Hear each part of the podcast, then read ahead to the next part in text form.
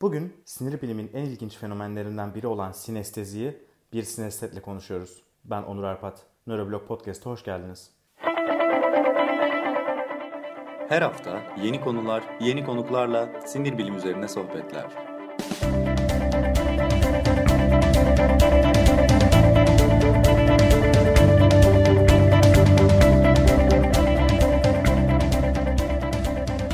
Nöroblog Podcast başlıyor.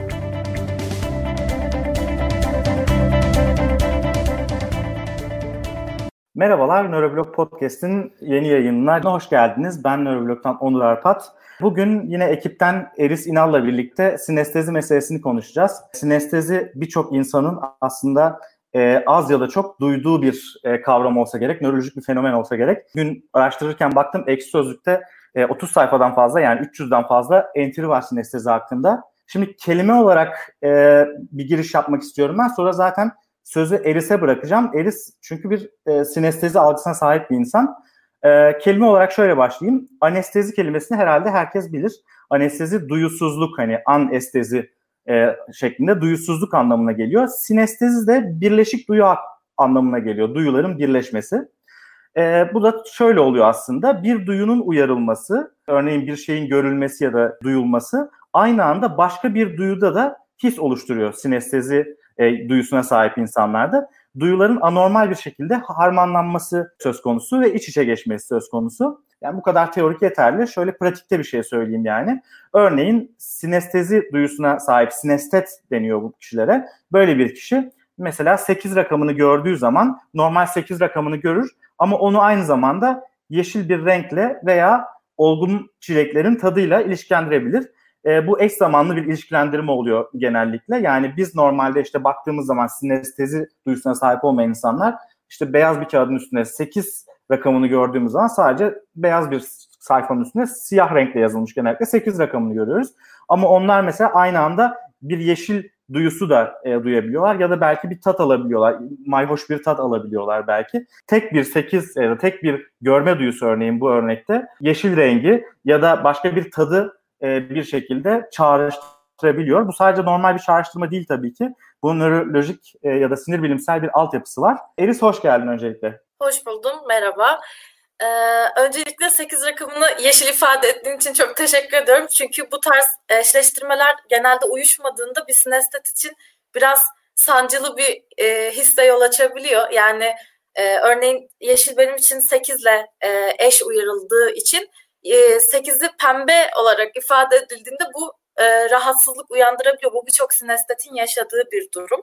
Onu da ayrıca belirtmek istedim. Bu çok ilginç. Ee, Her sinestette birbirinden farklı. Diyelim ki senin için 8 rakamı yeşille ifade edilirken başka birinde aslında maviyle ya da pembeyle evet. ifade edilebiliyor.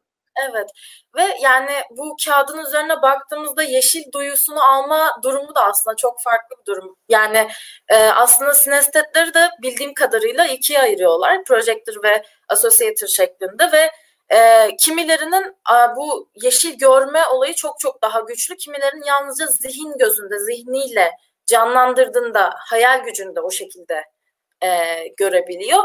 E, fakat mesela normalde biz bunun siyah yazıldığını tabii ki görebiliyoruz. Tabii ki farkındayız. Ama odaklandığınızda o harften e, bir işte yeşil, kahverengi veya pembe e, duyumu aynı zamanda hissediyor. Bir de şunu eklemek istiyorum. E, artık sinestezinin 70-80'den fazla çeşidi olduğu hani her günde artıyor bunun çeşitleri. Çünkü genelde sinestetler sinestezik olduklarının farkına çok varmadan hayatlarını sürdürüyorlar. Ben de çok geç öğrendim. Ve sürekli çeşidi artıyor. Artık sadece duyularla değil belli konseptlerin de duyularla ilişkilendirilmesi. Yani örneğin uzay zamanda işte örneğin bir şeyin haftanın gününün e, uzayda belli bir konumda olması, sağ çaprazda olması gibi.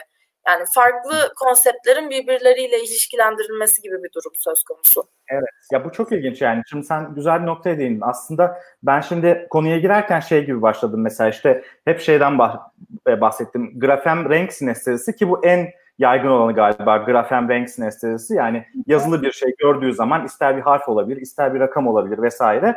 Bunu bir şeyle, renkle e, ilişkilendirmek. Evet. Ama bunun dediğin gibi yani onlarca farklı versiyonu var. Kimisi mesela belli bir ses, kuş sesi duyduğu zaman aynı zamanda limon tadı alabiliyor. Ya da birisi mesela işte e, bir e, insanın yardım çığlığı attığı zaman başka bir renk görebiliyor onun üzerinden vesaire gibi. Aslında beş duyunun birbirine çeşitli şekiller evet. harmanlanması e, söz konusu e, burada. Yani çok farklı farklı şekilleri var ama en yaygını işte senin de az önce bahsettiğin bu grafem renk sinestezisi e, olsa gerek. Yayına çok hızlı girdik ama yayına girerken şeyi de unutmayalım söylemeyi.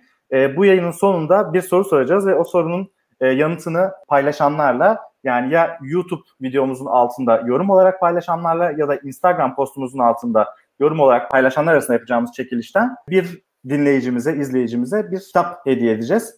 E, onu da şimdiden söylemiş olalım. Buradan e, devam edelim. Şimdi sinestezinin ne olduğunu az çok söyledik herhalde. Buna dair eklemek istediklerim, istediğim bir şeyler varsa e, ekle. Daha sonra da biraz şeyden bahsedelim. Yani nasıl oluyor bu iş? E, beyinde sinestezi nereden geliyor? Şöyle bir şey ekleyebilirim. Bunu genelde ilk e, açıklamaya çalıştığımda şey gibi ya hani onu onunla ilişkilendirilmiş gibi hani bilerek yapılmış, bilinçli yapılmış bir şey gibi algılandığı çok oluyor. Yani bunu şöyle ifade edebilirim en basit şekilde. Nasıl e, ağaç dediğinizde aklımıza mor ağaç değil de yeşil ağaç geliyorsa aynı şekilde A benim zihnimde daima sarı. Yani bunun için e, ekstra bir ilişkilendirme veya efor söz konusu olmuyor genelde. Yani kendimizi bildik bileli böyle e, süre gelmiş bir imgelem var oluyor. E, bir de bunun dışında şunu eklemek istiyorum. Bunun hastalık olarak yazıldığı Türkçe çok fazla kaynak gördüm. E, bu kesinlikle bir hastalık değil. E, dahası bazı anlamlarda işlevselliği de arttırdığına dair e, çeşitli vakalar var yani hafıza anlamında özellikle çok ilginç vakalar e, olmuş sinestezisi olan. Evet. E, bunları söyleyebilirim. Tamam. Şöyle diyelim o zaman. Evet bir hastalık değil bu ama pek çok başka özellik gibi bir genetik yatkınlık söz konusu. Yani e, anne babalarında ya da büyük anne büyük babalarında sinestezi e, duyusu olan bir insanda sinestezi duyusu olma ihtimali olmayanlara göre çok daha fazla gibi görünüyor. Bir de evet. enteresan bir detay buldum ben e, okurken bugün e, kadınlarda erkeklerden 6 kat daha sıkmış e, sinestezi evet. duyusu. E, ilginç bir detay. Yani bu muhtemelen şu an mekanizmasını anlayamadığımız e, işte yine beyinle alakalı bir yapısal farklılıktan ötürü veya belki de kadınların daha çok ifade etmesiyle de ilgili sosyal bir şeyle de alakalı olabilir. Yani birkaç sebebi olabilir bunun. Yani şey zaten genetik e, komponent olması çok kritik bir şey. Benim babamda da var mesela biz beraber öğrendik. Hani benim e, aracılığımla öğrenmiş bunu ve e, yani ailesi... babam bayağı hayat boyunca bilmiyordu sinestezi duyusuna sahip olduğunu. Sen Aynen. öğrenince çünkü senin de söyleyelim yani psikoloji bölümünde okuyorsun sen. Ee, sen oradan zaten şeyle ilgilisin, sinir bilimle zaten ilgilisin. Bir anda da bu çıktı herhalde. Buradan da baban öğrendi. Ya asıl işin ilginç tarafı şöyle bir şey oldu. O kadar doğal bir şey ki bu benim için. Hani hayatınız boyunca bununla yaşayınca bu çok normal bir şeymiş gibi geliyor. Ben ta ortaokulda sinestezi ile alakalı bir şey okudum. Fakat farklı bir çeşidine dair. işte bu e, haftanın günlerinin farklı bir işte düzlemde olması, sağ çaprazda sol çaprazda olması gibi bir versiyonu e, ile alakalı bir şey okudum. Fakat hiç bunu hani harfler bende renkli, bu da bununla alakalı bir şeydir falan diye ilişkilendirmek hiç aklımın ucundan kıyısından geçmemişti açıkçası. Çok normal bir şey olduğunu düşünüyordum çünkü bunun. Hani herkes için harflerin renkli olduğunu, hatta bunu sorgulamıyorsunuz bile. Yani harfler öyle zaten. Bunun renkli olup olmadığını bile düşünmüyorsunuz çoğu kez. Evet. Bugün birinden dinlerken şey diye e, duymuştum yani ilk defa keşfettiği zaman şeyi sormuş yani arkadaşlarına nasıl ya 8 yeşil değil mi işte 3 de pembe 7 de mor falan gibi. Hani bunu ilk defa keşfettiği zaman bir insan herkes için böyle olmadığını fark ediyor ve çok Kesinlikle. şaşırıyor diyorlar. Kesinlikle ben de eve gelip ya hiç mi renk yok diye sormuştum. ee, hani bu gerçekten şaşırtıcı olabiliyor ilk öğrendiğinizde herkes de öyle olmadığını fark ettiğinizde. Ee, hele ki mesela dedim dediğim gibi hafızayla çok ilişkilendirilen bir durum e, özellikle kokuyla alakalı şeyler falan çok daha güçlü etki yarat, yaratıyordur diye düşünüyorum. Bir yandan da tabii şöyle bir şey de var. David Eagleman'ın ben bir söyleşisini dinledim. E, nereden aldığını verilerini bilmiyorum ama toplumda yüzde üç'e kadar sineset olduğunu söylüyor. Yani aslında bu çok da böyle aşırı ender bir fenomen değil e, diyor kendisi. E, evet. Birçok insan bunu bilmiyor diyor. Onun iddiası bu. Öte yandan da hani çok eğer e, derinine inersek belki şey de diyebiliriz. Aslında e, bunu yazanlar da vardı mesela. Aslında tamam hani herkes e, bu derecede olmasa bile çoğu insan da ya da insanlık olarak aslında bizim dilimizde de sinestetik bir takım laflar var. Mesela çok sert bir adam diyoruz ya da yumuşak bir evet. adam diyoruz. Aslında bir takım karakter özelliklerini aslında çok da birbiriyle ala- alakalı olmayan şeylere sert diyebiliyoruz mesela. Yani normalde bir şekil e, de alakalı olan bir şeye e, ya da yumuşak diyebiliyoruz ya da çok farklı sıfatları aslında yani bayağı maddi şeylerle ilgili olan sıfatları manevi bir takım şeylere uyarlayabiliyoruz ya da işte soyut bir takım şeylere somut e, sıfatları uygulayabiliyoruz. Bu da e, enteresan bir hikaye aslında. E, buradan da istersen beyinde sinestezi nasıl oluşur oraya gelelim yavaş yavaş. Kesinlikle. Ya zaten şöyle e, dediğin gibi ben de birkaç makalede e, şeye rastladım. Yani aslında bizim mesela edebiyatta karşılaştığımız imgeleri anlayabiliyor olmamız hepimizin bir ölçüde o e, duyuya sahip olmamız. Fakat bazılarımızın çok çok daha yüksek derecede sahip olduğuna dair bir e, işaret olabilir gibi konuşulmuş. E, bunun dışında şöyle bir teori var. Yine beyin kısmına geçersek işin e, bir araştırmada şey iddia ediliyor. Bunun e, duyuların e, mesela bir deney vardı. Tam olarak şu an kavramı hatırlayamadım fakat e, tek flash gösteriliyor fakat iki kere bip sesi geliyor. Ve beyniniz bunu e, iki flash yakılmış iki kere ışık yakılmış şeklinde e, algılıyor. Yani duyuların birbirine e, müdahale etmesi gibi bir durum söz konusu. Bu bir illüzyon aslında. E, bu müdahale bu çoklu işleme sisteminin aslında temelde o işin mekanizmasıyla alakalı olabileceğine dair de ayrı bir teori var. Bunun dışında genel kanı şu anda benim gördüğüm kadarıyla şunun üzerine. Bir genetik altyapı var ve e, işte doğduğumuzda beyinde nöron arası bazı bağlantılar var. Bu bağlantılardan bazıları e, eş güçte varlıklarını sürdürmeye devam ediyor. Normalde e, diyelim tavuk kokusu duyduğumuzda mavi renkle alakalı bir şey canlanmaması gerekiyor ve bu bağlantı normal koşullarda anlamını ya da gücünü, işlevini yitirecekken sinestezik insanlarda bu yitirmeden varlığını sürdürmeye devam ediyor ve bunu ne kadar tetiklersek, ne kadar stimüle bu ortamda bulunursak bu da varlığını o kadar güçlü bir şekilde korumaya devam ediyor. Evet. Evet ben de bununla ilgili bir şeyler okudum. Şimdi belki iki tane şeyi ayırt etmek gerekiyor. Sen de biraz en başında ondan bahsettin. Sinestezi bir hafızayla ilgili bir fenomen değil. Yani bugün yine ekşi sözlükte okurken bir takım entry'leri yani ne yazılmış bunun hakkında insanlar e, ne düşünüyor diye. E, tesadüfen işte ekşi sözlüğün kurucusu Sedat Kapanoğlu SSG'nin bir entry'sini okudum. E, o da şundan bahsetmiş. İşte e, yıllar önce abisi galiba Amerika'dan mı bir bavulda bir takım CD'ler vesaire getirirken taşırken üzerine bir şampuan dökülmüş. E, hı hı. Daha sonra o şampuan hani o kadar sinmiş ki yani şeylerin CD'lerin üzerinde onları dinlerken sürekli o şampuan kokusunu almış yıllar boyunca. E, yıllar sonra tabii dinlememiş artık o CD'leri. CD'ler de zaten ortadan kalkıyor vesaire. Sonra geçen gün yine o CD'lerden dinlediği şarkılardan bir tanesi tesadüfen karşısına gelmiş ve orada hemen e, bir şey kokusu da, o şampuanın kokusu da, kokusunu da bir anda hissetmiş.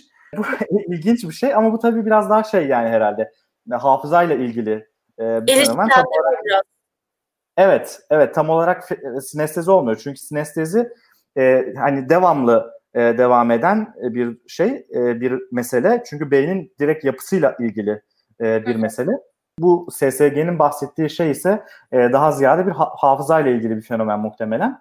Yani sinestezi ile ilgili teori çok fazla. Bir grup insan ki bana çok mantıklı geldi bu aslında. E, aslında herkesin sinestet doğduğunu e, söylüyor. Bunlara göre şöyle, biz biliyoruz ki işte e, bir şey anne karnında başlamak üzere daha ve sonra ergenlikte tabii çok daha fazla artmak üzere e, bir şey var. Sinaptik pruning ya da nöral pruning denen bir mesele var. Yani bir takım sinapslar belli dönemlerde bir takım nöronlar aslında ilk başta doğduktan sonra hızla yıkılıyorlar. Hızla e, önemlerini kaybediyorlar ve uzaklaştırılıyorlar beyinden.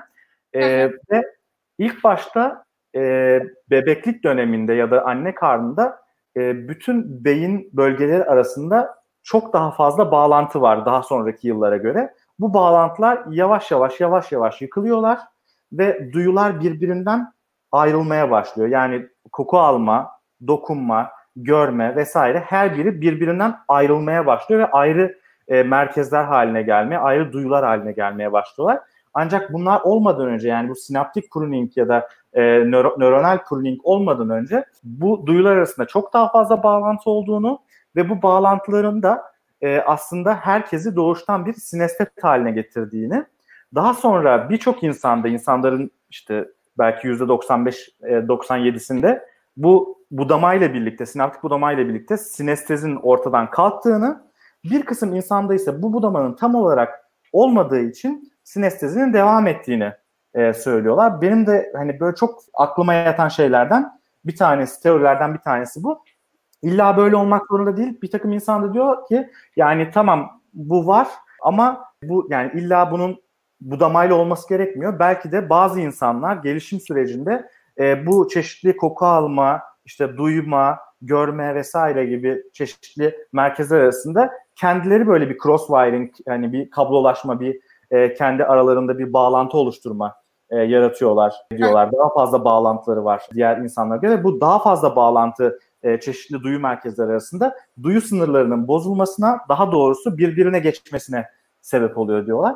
E, bunlar bana mantıklı geldi açıkçası e, okuyunca. Neden mantıklı geldi? Şuradan da biraz aslında bir takım halüsinojenik ilaçlar ya da uyuşturucular, LSD vesaire kullanan insanlarda da aslında buna benzer bir takım şeylerin olduğu görülmüş. Yani orada da şunu görüyoruz biz bu halüsinojenik ilaçlar alındığı zaman aslında beyindeki bir takım baskılanma mekanizması ortadan kalkıyor ve o mekanizma ortadan kaldığı zaman kalktığı zaman muhtemelen çeşitli beyindeki duyu merkezleri arasındaki iletişim daha iyi kurulmaya başlıyor ve en azından insanların bir kısmında tamamında olmasa da sadece halüsinojenik madde almak bu duyular arasındaki bağlantıyı arttırarak insanlara kısa süreli artık bir sinestezi e, duygusu ya da duyusu yaratabiliyor.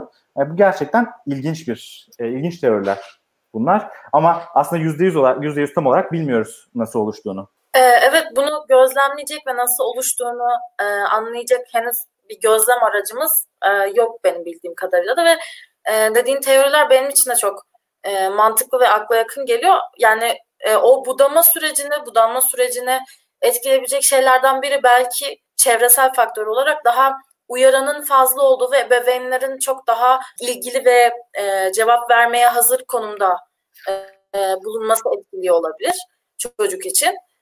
E, fakat kesinlikle ya hayatın ilk yıllarında ya da anne karnında gelişen bir şey olduğunu düşünüyorum ben de.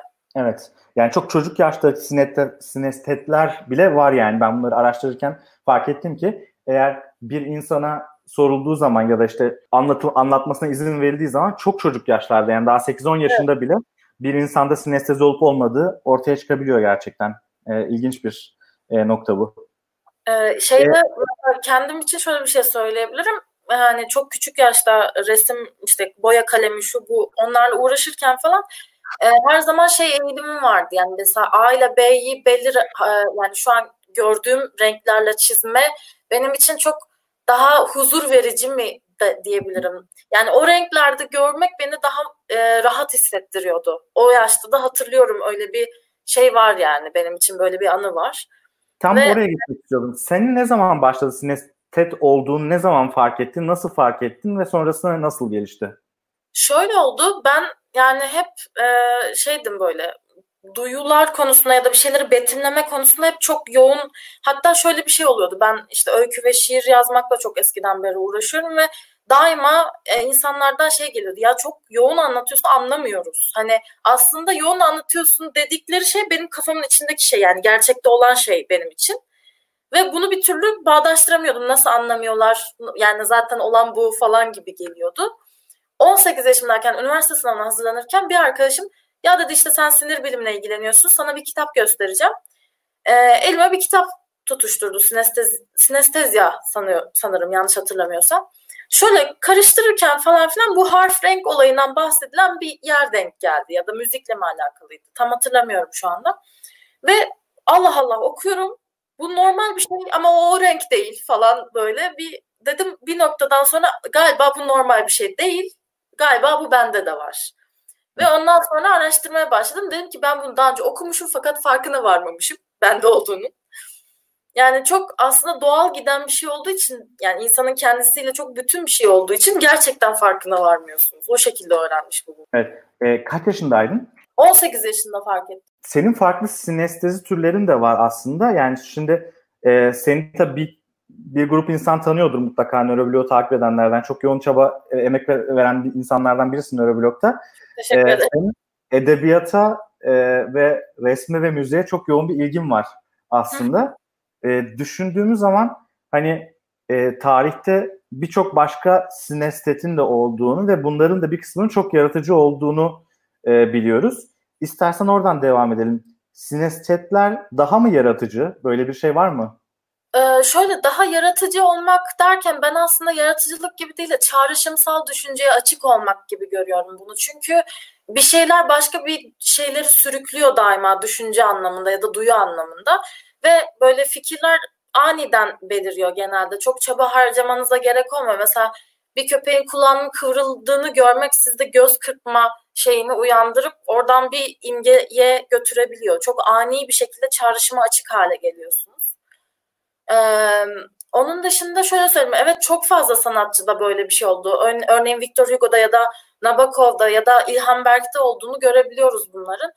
Hatta bir dönem o kadar böyle popüler bir şey haline dönüşmüş ki önüne gelen ben sinestetim dediği bir dönem olmuş yazarların arasında özellikle. Hı hı. Fakat bizim gerçekten emin olduğumuz 2-3 tane isim var. Bunlardan biri Nabokov, bir tanesi İlhan Berk. İlhan Berk'in hatta harflerle ilgili söylediği net şeyler var mesela. C'yi içe dönük olarak tarifliyor, İ'yi ağır başlı olarak tarifliyor. Evet, harflere bayağı kişilik atfediyor aslında. Bu da başka tür bir sinestezi e, türü evet. değil mi?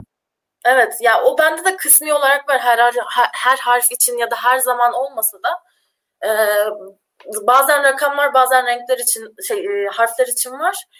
E, fakat değişik yani hani haftanın günlerine cinsiyet atfetme diye bir durum var. Mesela işte çarşamba kadın işte süslü bir kadın gibi falan gibi durumlar var. E, yani eğer zaten böyle bir imgelemeniz böyle bir çarşınız varsa bir şeyleri betimlemek ya da bir şeyleri bir şeylere benzetmek biraz daha kolay ve doğal bir işe dönüşüyor. Dolayısıyla bir sinestetin yazar olması çok uçuk bir fikir değil e, gibi görünüyor. Ya da mesela duyduğu bir şarkıyı resmetmek çok doğal bir şey haline geliyor o insan için. Yani daha yaratıcı olmaktan ziyade bunun çağrışımsal düşünceye açıklık ve kendini ifade etme şeklinde olduğunu düşünüyorum ben. Ben bununla ilgili bir yazı okudum. Bu yazıda şey diyordu yani aslında biraz e, sampling bias olabilir. Yani biz hani çok fazla aslında tarih boyunca insan var. Haliyle bunların yüzde bir üçü arası sinestet ve haliyle onlardan da çok fazla sanatçı çıkar. Ne olacak ki? E, gibi bir yorumu vardı oradaki e, şeyin yazarın. Hatta aynı şey gibi yani işte solaklardan da çok fazla işte sanatçı var. Acaba solaklık yaratıcılığı artırıyor mu işte?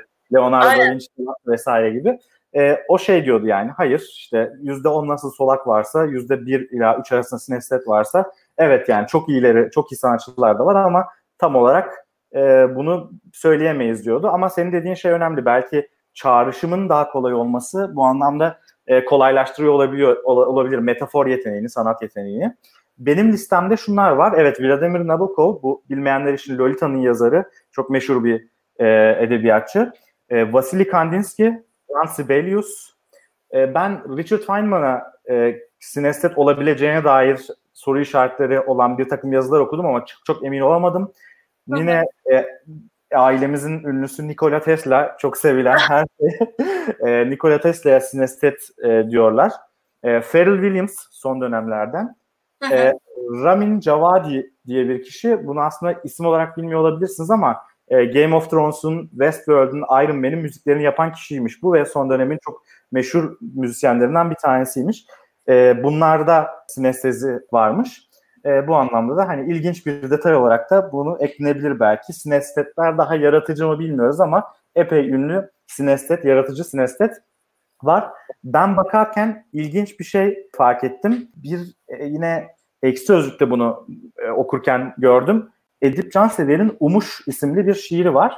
E, Yeni Türk'ün bunu Umut adıyla şarkılaştırmış. Burada da aslında bir çeşit sinestezi örneği anlatılıyor. Diyor ki parmağını sürsen elmaya rengini anlarsın. Gözünle görsen elmayı, sesini duyarsın. Onu işitsen yuvarlağı sende kalır. Her başlangıçta yeni bir anlam vardır. Hatta çok kısa bir de dinleyelim onu. Parmağını sürsen elmaya rengini anlarsın. Gözünle görsen elmayı sesini duyarsın. Onu işitsen yuvarlağı sende kalır. Her başlangıçta yeni bir anlam vardır. Her başlangıçta yeni bir anlam vardır. Şimdi ben yeni türküyü çok severim ee, ve hani çok da şey yapar, hoşuma gider yani bütün bu şarkıları. Bu şarkıyı da çok severim. Ee, ama hiç böyle düşünmemiştim açıkçası hani sinestezi tanımlanıyor falan gibi. Ama düşününce gerçekten hani parmağını sürdüğün zaman elmaya rengini anlarsın. Gözünle görsen sesini duyarsın. Onu işitsen yuvarlağı sende kalır. Bayağı e, bir sinestezi örneği anlatıyor. Çok enteresan evet. e, bir şekilde. Edip Cansever'in e, şiiri Yeni Türkü'nün e, bestesiyle. Böyle güzel, enteresan bir Türk edebiyatından da bir sinestezi örneği bulduk. Tabii ki Edip Cansever sinestet miydi bilmiyoruz. Ama anlattığı şey gerçekten bir sinestezi örneği. Bir de biz normal hayatta sinesteziden bahsetmiştik. Onu da aslında bir burada detaylandırmak istiyorum. Çünkü aslında küçük bir anket de yapabiliriz. Ee, bizi YouTube'dan izleyenler arasında. Şimdi şöyle bir ekranda paylaşıyorum. Ee, iki tane resim var. Bir tanesi podcast'ten dinleyecekler için tarif edeyim. Böyle yuvarlak, yumuşak hatlardan oluşan bulut gibi bir şekil. Bir, bir başkası da yıldız gibi ama 5 değil de 4 e, köşeli böyle e, daha sert hatlara sahip bir şekil. Belki bunu podcast'in e, altına da e, bir şekilde link olarak koyabiliriz. E, burada bu bir fenomen. Kiki Buba fenomeni diye geçiyor ya da Maluma Takete fenomeni diye de e, geçebiliyor. Belki hani bizi dinleyenler de bu sorunun yanıtını versin.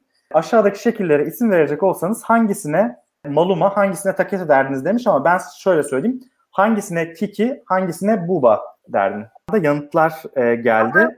1, 2, 3, 4, 5, 6, 7, 8, 9 tane yanıtımız geldi. Ve herkesin de ortak bir düşüncesi var. O düşünce de şu, e, daha sert hatlı olan objeye kiki demişler, daha yuvarlak hatlı olan objeye de buba demişler. E, bütün yani insanlarda bunu yaptığımız zaman da aslında biz daha önce Neuroblog Twitter hesabında da yapmıştık bunu. Sert hatlı olana kiki ya da taket edenme e, ihtimali yüzde 84,5 e, burada ekranda da gösteriyorum. Yani bu çok enteresan bir şey. Buna ideestezi deniyor.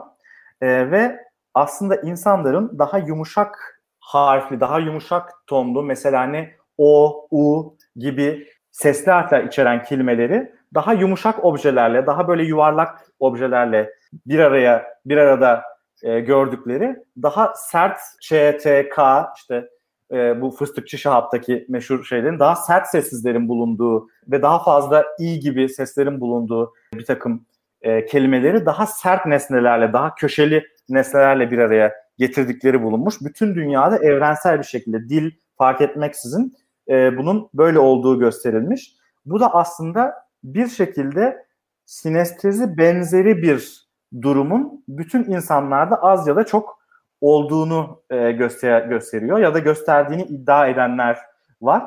E, bu da bir çeşit sinestezi olabilir bütün insanlarda e, olan diye de böyle enteresan bir durum da var. Senin dediğin de çok enteresan gerçekten. Hani sen bir sinestet olarak baktığın zaman da tabii daha farklı yorumlar da yapabiliyorsun bununla ilgili. Aslında düşündüğümüz zaman şu anda hani aklıma geldi çok da doğal e, böyle M, A, L gibi harflerin ağızdan çıkışı, dudak biçimi ve işte ses patlayışı olarak daha yumuşak olduğunu hepimiz gözlemleyebiliyoruz ve takete mesela ya da kiki e, sesin patlayış şekli çok daha agresif ve çok daha sert. Evet. O yüzden bu aslında çok doğal bir eğilim. Bizim belki de doğada duyduğumuz seslerle dili oluştururken e, bize işlenmiş bir şey yani genetik olarak da aktarılıyor olabilir. Bunu henüz dediğim gibi beyinde de gözlemleyecek şeyimiz olmadığı için bunlar hala birer soru işareti. Evet hem bu Kiki Buba e, fenomeni ya da işte Takete Moluma fenomeni yani birisinin ses, sert birisinin yumuşak olmasının nereden geldiği, neden insanların büyük bir çoğunluğunun %85'inin e, %90'ının sert köşeli sert köşeli cisimlere daha sert sessizlerden oluşan isimleri atadığı, daha yumuşak köşeli ya da yuvarlak köşeli cisimlere daha böyle oğlu, uğulu, yumuşak harflerden oluşan kelimeleri atadığını bilmiyoruz aslında ama bir de şey de bilmiyoruz yani sinesteziyi de aslında tam olarak bilmiyoruz. Şu ana kadar bahsettiğimiz her şeyde bir yandan teori çünkü bunun çalışmasını yapmak bir çok zor, iki çok pahalı, üç bu bir hastalık olmadığı için çözüm bulunması gereken bir şey daha az olduğu için aslında bununla ilgili muhtemelen daha az e, çalışma var, daha az fon ayrılıyor. Çünkü işte ne bileyim batıda birilerine şey demek daha kolay sanki. Ya işte e, Parkinson'u araştırıyoruz ya da işte Alzheimer'ı araştırıyoruz. Bakın bunu biz çözersek e, şu kadar milyar dolar kar edeceğiz. Bize bu parayı verin de biz bunu bir araştıralım, çözelim e, dediğiniz zaman para daha kolay alıyorsunuz ama biz sinestezi diye bir şey araştıracağız ya da biz kiki bubu araştıracağız dediğiniz zaman biraz zorlanıyorsunuz muhtemelen. Halbuki buradan da eminim e, klinik olarak ilgili bir şeyler çıkacaktır. Bu klinik anlamda ilginç bir şeyler çıkabilir deyince e, şuradan devam etmek istedim. E, çok e, bu sinir bilimle uğraşanlar için meşhur bir isim Alexander Luria. E, Luria'nın e, beraber çalıştığı bir vaka olmuş. Solomon isimli bir adam. Ve Solomon'un e, da sinestet olduğunu e, söylüyorlar. Hatta bir kere galiba psikoloğuna ne kadar sarı ışıltılı bir sesiniz var demiş.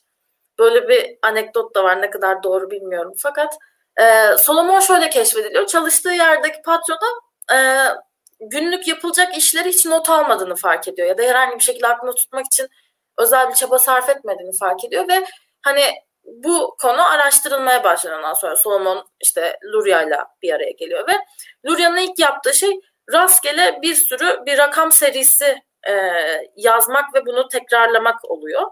Bunu sonra te, bir kere tekrarladıktan sonra Solomon'dan söylemesini istiyor. Solomon e, hem bunu o an hem de 15 yıl sonra hem baştan sona hem sondan başa tekrarlayabilecek şekilde hatırlıyor bütün rakamları. Ve bunlar rastgele rakamlar. Yani hani 3, 18, 20 e, gibi bir sekansı olmayan, bir e, örüntüsü olmayan rakamlar. E, Solomon'un e, hem sinestezisinin hem de hayal gücünün çok baskın olduğunu ve bunun hafızayla da, hafızasının bu kadar iyi olmasıyla da ilişkisi olduğu düşünüyor. Dolayısıyla bu fenomenin araştırılmasının eminim ki farklı bir yansıması olacaktır klinik anlamda. Fakat şu an dediğin gibi hastalık anlamında ya da bir fonksiyonellik düşüşü anlamında sıkıntı yaratmadığı için e, çok fazla ilgilenilen bir konu değil anladığım kadarıyla. Aslında yavaş yavaş toparlayabiliriz herhalde. Son olarak söylemek istediğin bir şeyler var mı? Onları istersen sen düşünürken ben birkaç tane tanıtım yapayım. Öncelikle senin aslında Twitter hesabını tanıtmak istiyorum. Beklenmedik bir şey oldu biraz. Evet, mutlaka takip etmenizi tavsiye ederim. Çünkü Eris gerçekten çok güzel paylaşımlar yapıyor. Hem sinir bilim alanında çok güzel paylaşımlar yapıyor. Hem de kendisi bir yandan da aslında edebiyata çok ilgili e, öyküleri var. Hatta galiba roman da yazıyorsun değil mi? Bunu... Bir tane yazdım bitirdim de bakalım artık. Evet yani onu şu yüzden söyledim. Gerçekten bir yandan yayıncı arıyor ve bizi dinleyip de bir şekilde okumak isteyen varsa kendisini bu romanla ilgili ilgilenen bir yayıncı varsa onu da mutlaka e, sunmak ister diye tahmin ediyorum. Yazı dediğim gibi hem sinestezinin bir etkisi olarak belki de hem de yani kendimi ifade etmenin e, çok apayrı bir biçimi olarak benim hayatımda çok uzun süredir var. Ben 7 yaşımdan beri falan neredeyse yazı yazıyorum ve e, yani bir sinestezi, sinestezik bir insana da tavsiye edebileceğim en güzel şeylerden biri bir sanatsal bir yolla kendini ifade etmeye alışması olur muhtemelen. Bu yayının da temasını birleştirecek olursam bu konuyla. E, çünkü gerçekten e, çok apayrı şeyler üretiyorsunuz. Çok apayrı şekillerde kendinizi ifade etme şansı buluyorsunuz. Çok güzel ve bir çeşit terapi e, gibi oluyor. Şimdi ben bu tanıtımı beklemediğim için birazcık duraksadım açıkçası. Fakat... Tamam şöyle burada yayıncılara seslenelim yani. E, sinestet bir yazar kolay kolay bulamazsınız Türkiye'de. Mutlaka bence Eris'in yazdıklarına bir göz, göz gezdirin. E, belki beğenebilirsiniz, belki yayınlamak isterseniz. Çok teşekkür ederim tanıtım için.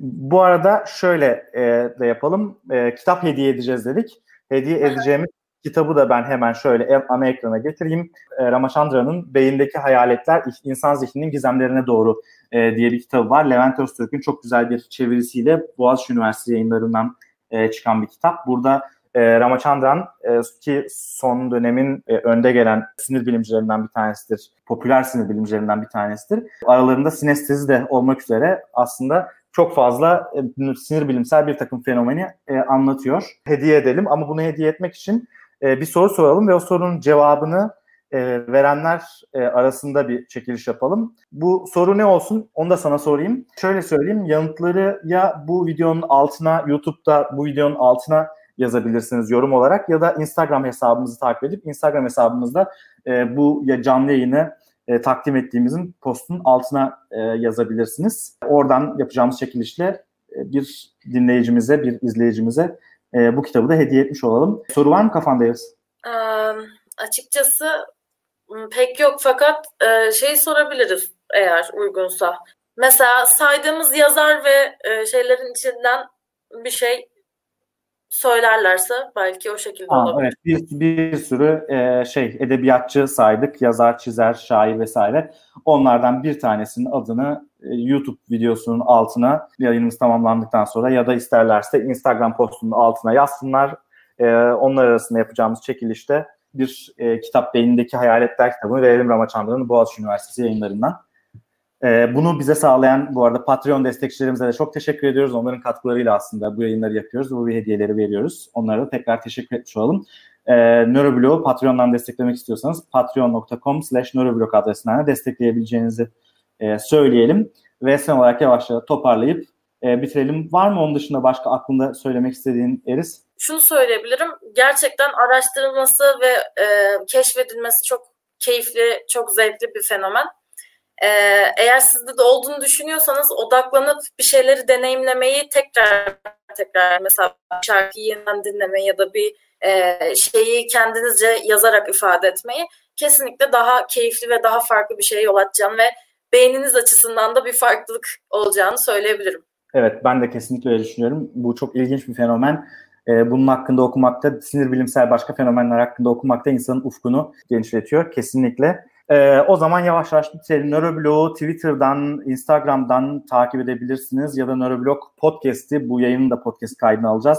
Ee, YouTube'dan, e, Apple Podcast'lerden, Spotify'dan, SoundCloud'dan ya da podcastlerinize eriştiğiniz herhangi bir başka bir mecradan dinleyebilirsiniz. Ee, Eris'e çok teşekkür ediyorum ben. Çok sağ ol Eris geldiğin için bu programa ama aslında Eris bizim e, ekibimizin bir parçası olduğu için bundan sonra da mutlaka Eris'le başka yayınlarda yapacağız. Burada özellikle konuk dedim kendisine çünkü gerçekten de sinestet bir insan olduğu için özellikle konuk olarak almak istedim ama eminim bundan sonra host olarak da Neuroblog Podcast'te katkı sunacaktır. Teşekkür ederim Eris. E, ağzına sağlık. Ben teşekkür ederim. Benim de ilk kez böyle bir deneyimim oldu hani ilk yayınım. Ee, umarım bundan sonra Neuroblog ekibi olarak da daha güzel yayınlara ev sahipliği yaparız. Bizi dinlediğiniz için çok teşekkür ederiz. Görüşmek üzere. İyi geceler. Her hafta yeni konular, yeni konuklarla sinir bilim üzerine sohbetler.